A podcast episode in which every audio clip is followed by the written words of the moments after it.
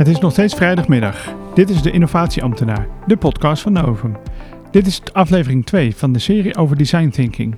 Deze gaat over de eerste stap van design thinking, de understand fase. Die doe ik samen met Matthijs. Hoi. Mijn naam is Jeroen. Zoals je net in onze introductie hebt gehoord, wat is design thinking? Weet je nu eigenlijk alles over design thinking, wat het is, wat de oorsprong is? Je kunt ook nog informatie uh, lezen in de show notes. We hebben het nu over de eerste fase van uh, design thinking, de understand fase. Matthijs, je, uh, je zei dat de eerste stap van de understand... Matthijs, je zei dat de eerste stap de understand fase is van een design thinking traject. Kan je wat meer vertellen over deze eerste stap? Ja, de, um, ik denk dat het een uh, stap is die in sommige beschrijvingen van design thinking wordt overgeslagen. Hè? Die gaat er een beetje van uit dat je al weet welk probleem je nou precies moet gaan oplossen. Dus die, in die beschrijving starten ze gelijk met de empathize fase. maar wat wij merkten bij Novum is dat eigenlijk heel goed snappen welk probleem je nou eigenlijk moet wil oplossen en welke ambities je daarbij hebt en welke misschien beperkingen je daarbij hebt. Belangrijk is om van tevoren te weten. Ehm, en daar hebben we ook zelfs voor deze stap, dus die understand fase, waarin je gaat snappen van welk probleem wordt er aan mij gevraagd om op te, op te lossen, of mij als team, hebben wij zelfs ook echt een eigen methodiekje ontwikkeld, een challenge canvas. Uh, daarvoor hebben we ook een hele aparte uh, podcast opgenomen over, over het Challenge Canvas. Dus als je daar in detail alles over wil weten, dan is het misschien goed om die podcast ook te luisteren. Maar ik zal in, in vogelvlucht maar zeggen, uitleggen wat, wat wij doen met zo'n Challenge Canvas. Hè? Dus waarin we beschrijven met welk probleem we aan de slag gaan. En welke uitdagingen we hebben die we willen oplossen door middel van een design thinking traject. En misschien klinkt het heel logisch, maar je start in dat canvas met het beschrijven van het probleem dat opgelost moet worden. En dat klinkt heel simpel, uh, maar in heel veel gevallen uh, start een project eigenlijk meer vanuit een idee. Van hey, kunnen we bijvoorbeeld uh, schulden voorkomen? Ja, dat kan. Maar wat is nou eigenlijk het echte probleem van schulden? Hè? Ja. is het dat we schulden creëren als overheid? Of is het probleem dat mensen niet goed met hun geld omgaan? Dus, en de befaamde methodiek, zeg om dat probleem echt goed beschreven te krijgen, is de always ask why five times. Hè, dus uh, uh, vraag vijf keer waarom wil je dit probleem oplossen? Waarom is dit een probleem? Waarom is dit een probleem? En als, vaak als je dat vijf keer gevraagd hebt, kom je eigenlijk tot de kern. Uh, dus ik denk dat het goed is om, om, dat te doen. En ook als er, met name als er sprake is van een opdrachtgever, um, dan is het heel goed om dat gesprek echt ook met je opdrachtgever te hebben. Dus als een opdrachtgever zegt, ja, ik heb hier bijvoorbeeld een aanvraagformulier voor een bepaald, bepaalde regeling. En uh, kan, kan je een beter aanvraagformulier maken? Uh, ja, dat kan. Maar waarom moet dat beter? Ja, omdat niemand die aanvraag indient. Oh, oké. Dus jij wil eigenlijk meer aanvragen hebben. Of is het probleem dat iedereen wel die aanvraag indient, maar dat er heel veel fouten worden gemaakt in dat aanvraagproces. Hè? Dat maakt nog, nogal uit wat nou echt het probleem is. Dus daar moet je echt tijd voor nemen. En, de, uh, dan stel je onder andere de vraag, waarom heb je een aanvraagformulier? Ja, waarom heb je überhaupt een aanvraagformulier? Hè? Ja. Dus, uh, dus, precies, dus dat, is, dat moet je doen. En ik merk dat we het nu heel erg weer in detail, zullen we zeggen, hierover gaan hebben. Um, ik zal het in vogelvlucht doen, maar ik denk dat dit wel een beetje de kern samenvat van, van die understand fase. Wat je nog meer doet is snappen, oké, voor wie ga ik een oplossing maken? Dus je doelgroep beschrijven. Hoeft niet in extreem detail, maar je, je wil van tevoren een beetje weten, oké, om, om welke mensen gaat het eigenlijk die dit probleem ervaren? Um, uh, daarnaast wil je weten, oké, we hebben dus een heel groot probleem. Hoeveel van dat probleem moet ik eigenlijk oplossen? Dus in sommige gevallen hoef je niet een probleem 100% op te lossen. Is een opdrachtgever of een organisatie al lang blij als je het voor 50% minder erg maakt. En dat noemen we ook wel het beoogde effect. Dus hoe, hoe effectief moet je oplossing zijn? En wat verwacht de opdrachtgever van, van uh, de oplossing? Dus dat wil je ook beschrijven. Um, en dat stelt je ook in staat om achteraf uh, je succes van je design te bepalen en te toetsen van ja, heb ik nou voldaan eigenlijk aan de verwachtingen die ik erbij had? Ehm, nou, wat ook wel handig is om even wat partners in kaart te brengen. Hè? Dus je hebt het. eh, wij zijn misschien als designers heel erg geneigd om te focussen op die eindgebruiker. Maar wat natuurlijk wel zo is, is dat je te maken hebt met een organisatie om je heen die jou misschien wel moet helpen met het ontwikkelen van die oplossing uiteindelijk. Je hebt iemand nodig die hem gaat betalen. Eh, nou, dat zijn allemaal partners die jou kunnen helpen om de uiteindelijke oplossing eh, te ontwerpen. En misschien daarna wel te implementeren. Dus die wil je ook in kaart brengen. Ehm, eh, wat ook heel belangrijk is, wat, eh, wat, je, wat je vaak ziet, is dat mensen vergeten dat je nooit de eerste bent die probleem, probeert een probleem op te lossen. Ehm, ook al voelt dat misschien wel zo, maar het is bijna nooit het geval. Dus het is ontzettend interessant om even de, in deze fase te kijken, joh, wat voor lessen en informatiebronnen zijn er eigenlijk al over dit eh, probleem? Je hoeft ze nog niet te lezen, maar breng ze in ieder geval in kaart. Zoek even op een netwerk, schrijf een intranet of eh, vraag even rond aan. eh, nou, iedereen kent die medewerker wel die al 25 jaar in de organisatie rondloopt. Ga even naar hem toe, drink een kopje koffie en vraag: hey, we gaan aan de slag met dit probleem oplossen. Hebben we dat in het verleden niet ook al een keer geprobeerd? Het zijn hele waardevolle gesprekken vaak.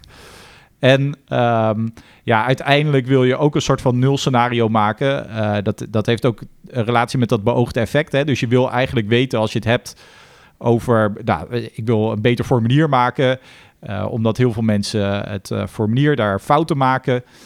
Bij het invullen daarvan, dan wil je eigenlijk weten, ja, hoeveel fouten worden dan nu procentueel gemaakt, hè? zodat je weet van, oké, nu staan we hier en mijn oplossing die eh, kan zoveel bijdragen aan het oplossen van het probleem. Dat noemen we het nul scenario. En dan stel je ook de vraag, waarom is dat eigenlijk een probleem? Eh, ja. ja, ik denk dat dat echt heel belangrijk is. Het is design thinking is geen gratis proces. Hè? Je zit met een multidisciplinair team, eh, dagdelen per week ben je aan het werk. Dus je wil wel heel erg zeker weten dat je het juiste probleem aan het oplossen bent. En Ja, niet al je tijd aan het spenderen bent aan iets wat eigenlijk helemaal het probleem niet is. Nou, want Dat bij een nul scenario kan er ook best wel uitkomen van nou, eh, het is wel een probleem, maar eh, het is een erg probleem, maar de, het is op zich niet erg om te, om te hebben, want dat, het, het- het hoort er gewoon bij. Het is, het is, niet, het is niet een dramatisch iets. Ja, bijvoorbeeld, ehm, eh, als je, je zou best wel eens inderdaad een vergelijking kunnen maken met andere formulieren en erachter te komen dat, dat het heel normaal is dat ehm eh, 10% van je doelgroep afvalt in het invullen van een formulier. Omdat ze iets anders zijn gaan doen, koffie zijn gaan drinken. Of, eh, hè. Dus ik denk dat het heel goed is om ook in dat nul scenario inderdaad wat breder te kijken van ja, is dit echt, echt een probleem eh, dat het waard is om op te lossen? Ehm, ja, dus dat is eigenlijk wat, wat wij in ieder geval doen in die understand fase is heel goed ook afbakenen. Wat, wat ga ik nou echt oplossen en oppakken in dat in mijn design thinking. En eh, hoe weet je nou van tevoren wie je daarbij nodig hebt? Want, eh, want bij in, in introductie zei je, design thinking doe je niet alleen. Daar heb je meerdere mensen voor nodig. ja, Maar je begin je dus zo'n challenge canvas wel in, in je eentje. ja, dat is altijd. ehm, eh, ja, dus wat je in deze in de understand fase eigenlijk ook het liefst doet, is je team formeren waar je dat hele design thinking traject eh, mee gaat doorlopen. Dus dat is wel een eh, vaak wel een uitdagend verhaal, hè? Want om maar even een voorbeeld te geven, je bent in deze situatie nog, weet je nog helemaal niet wat de oplossing gaat worden. Dus je weet helemaal nog niet, ja, moet ik nou eh, iemand die heel veel weet over eh, online dienstverlening in mijn team nemen? Of moet ik juist iemand in mijn team nemen die heel veel weet over persoonlijk contact en telefoniedienstverlening? Hè? Dus ja, wie, wie ga ik in mijn team stoppen? Ehm, maar je, je kunt natuurlijk wel op het moment dat je eh, bijvoorbeeld iets gaat doen rondom eh, de AOW, ja, dan is het natuurlijk wel handig om. Dan kun je een beetje gokken van ja, oké, daar heel, 60% van de dienstverlening rondom de AOW gaat online. Ja, dan, dan kun je wel aanvoelen van hey, zeer waarschijnlijk gaat bijvoorbeeld, eh, hebben we iemand die veel weet over online dienstverlening rondom de AOW, is het wel handig om mee te nemen in je team. Eh, dus dat, dit, dat is een beetje een gevoelskwestie waarvan je denkt van oké, rondom dit probleem heb ik deze, eh, dit soort type mensen nodig die daar veel eh, van afweten en je daarbij kunnen helpen. Maar ik denk dat je altijd een soort van drie categorieën mensen in je team wil hebben. Dus één, iemand die veel weet over het designproces. Hè? Dus een meer facilitator, designerrol. Iemand die inhoudelijk een expert is. Ehm, en eh, iemand die eh, meer vanuit een business perspectief, hè, dus eh, mee kan kijken. Die ook mee durft te kijken en dingen durft, kan zeggen over ja, wat we nu aan het ontwerpen zijn. Dat is een hartstikke mooi ontwerp, maar dat kost te veel geld voor de SVB om te implementeren. Dus ik denk, hè, dus iemand die vanuit een business perspectief mee kan kijken. Iemand die vanuit echt de inhoudelijke expertise heeft, of misschien technologische expertise. En iemand die over design traject snapt hoe je dat moet doorlopen. Dus die drie elementen wil je wel graag in je team terugzien. Oké. Ja. En, en waarom doen we dat zo? Ehm, je, waarom we, nou in ieder geval waarom we dat challenge canvas zo doen, is omdat wij gewoon ontzettend slecht zijn als Novum om onszelf, eh, eh, om niet gelijk, zeggen, die empathize fase in te rennen. Hè, dus we moesten onszelf echt dwingen om al die voorbereidende stappen, hè, wie is mijn opdrachtgever, wat is nou echt het probleem, om dat echt de, de tijd te pakken om dat goed te doen. Eh, dat, dat, ehm, eh, ja, dat, daar moesten we onszelf een beetje toe dwingen. En daarvoor hebben we deze methodiek gepakt. We willen graag, eh, we willen misschien te graag het gaspedaal intrappen om het probleem zo snel mogelijk op te lossen. Ja, en om daar een eh, voorbeeld van te geven waarbij waar dat eigenlijk heel erg bijvoorbeeld mislukt is, is we hadden een, echt een op zichzelf staand een heel goed en gaaf product, wat ook echt daadwerkelijk een probleem voor eindgebruikers oploste. Dat eh, concept heette Nederband. Dat was gericht op eenzame ouderen in het buitenland. Hè. De SVB heeft heel veel eh, klanten in het buitenland, Nederlanders. En die eh, wonen daar in hun eentje. En daar komen af en toe wel eens eh, medewerkers van de SVB langs. Voor om te controleren, mensen van de handhaving. En de vraag die ze heel vaak krijgen is: van, hey, wonen er ook nog andere Nederlanders? Want ik vind heel, hè, ik zit hier een beetje eenzaam. Ik ben wat ouder en ik vind het heel erg leuk om met andere Nederlanders contact te krijgen. En daar hebben wij een eh, app voor gemaakt dat dus eh, Nederlanders eh, in het buitenland met elkaar in contact kunnen komen. Wat we, we hebben het getest, iedereen enthousiast, de klant vindt het fantastisch, et cetera. Maar wat wij totaal vergeten zijn te doen, helemaal aan het begin van het traject in de understand fase, is of wij een stakeholder hadden binnen de SVB die überhaupt geld wilde uitgeven voor een app die eenzaamheid problematiek oplost. Ja, want de SVB is geen eigenaar van het eh, thema eenzaamheid. Nee, wij, de, de, de uiteindelijk, hè, dus al, we hebben een heel gaaf ontwerp gemaakt, maar als je daar een echt product van wil maken, dan kost dat geld. En dan heb je echt een eigenaar en een stakeholder nodig die dat geld wil uitgeven en dat ook ziet als zijn taak. Ja. En dat bleek niet zo te zijn, waardoor het hele product er nooit gekomen is, waardoor eigenlijk dat hele traject, is, ja, weet je, ondanks dat het een hartstikke goede oplossing en een hartstikke goed product was, is het er niet gekomen door die reden. En dat hadden we al helemaal aan het begin van het traject kunnen tackelen door onszelf te dwingen van eh, de vraag te stellen: is er een opdrachtgever of een eigenaar die de oplossing daadwerkelijk wil gaan implementeren? Ja. ja. Dus Maar we eh, gaan het niet alleen over mislukkingen hebben. Falen hoort erbij, dat weet ik. ja. ja, daar leren we dan weer van. Ja, ja, daar Ja. leren we van. En daarom maken we ook zo'n challenge canvas weer beter. En we worden zelf ook weer beter. Eh, maar kun je ook iets vertellen over een succesverhaal? eh, wat we Ja. dankzij het challenge canvas goed hebben gedaan. Ja, wat eh, ik noemde het eh, al eh, een beetje in de inleiding, maar wij hebben eh, vorig jaar eigenlijk besloten dat we heel graag iets wilden doen binnen het thema schulden, of in- nog preciezer in het thema schulden voorkomen. Ehm, en we hadden daar zo verschrikkelijk veel ideeën, echt denk wel meer dan eh 10, 15 ideeën.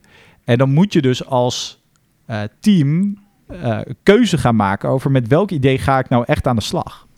En door eh, voor al die ideeën gewoon maar eens dat challenge canvas in te vullen en heel erg goed te beschrijven, ja, wat is nou echt het probleem? Dus al die stappen die ik net heb uitgelegd, daar doorlopen, dan kom je erachter dat heel veel ideeën hadden bijvoorbeeld helemaal geen opdrachtgever of hadden misschien, eh, was hij eigenlijk helemaal geen probleem, omdat we dat nul scenario's in kaart gingen brengen en erachter kwamen, ja, zo groot is het niet. Of we kwamen erachter dat al heel veel andere mensen dat probleem al aan het op, opgelost hadden door onderzoek te doen naar bestaande lessen en bronnen. En door eigenlijk al die verschillende ideeën gewoon maar eens in dat challenge canvas eh, op te schrijven, hebben we een hele goede selectie kunnen doen voor drie eh, projecten die echt de moeite waard waren om verder eh, uit te voeren. Dus daar, daar heeft het heel goed gewerkt. Ehm, ja, er was nog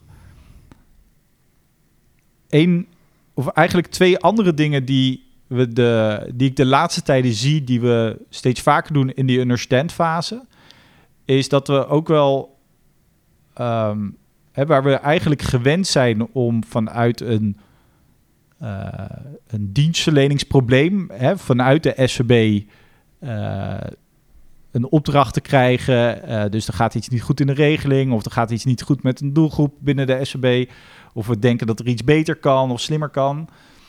Zien we de laatste tijden ook wel meer dat we veel meer naar het gehele systeem eigenlijk kijken. Dus van oké, hoe werkt eigenlijk uh, niet alleen maar de dienstverlening binnen de, uh, van de sociale verzekeringsbank, maar hoe past dat in een groter geheel van bestaanszekerheid in Nederland? En dat doen we door systems thinking toe te passen. Hè, dus echt naar het systeem te kijken waar we in zitten.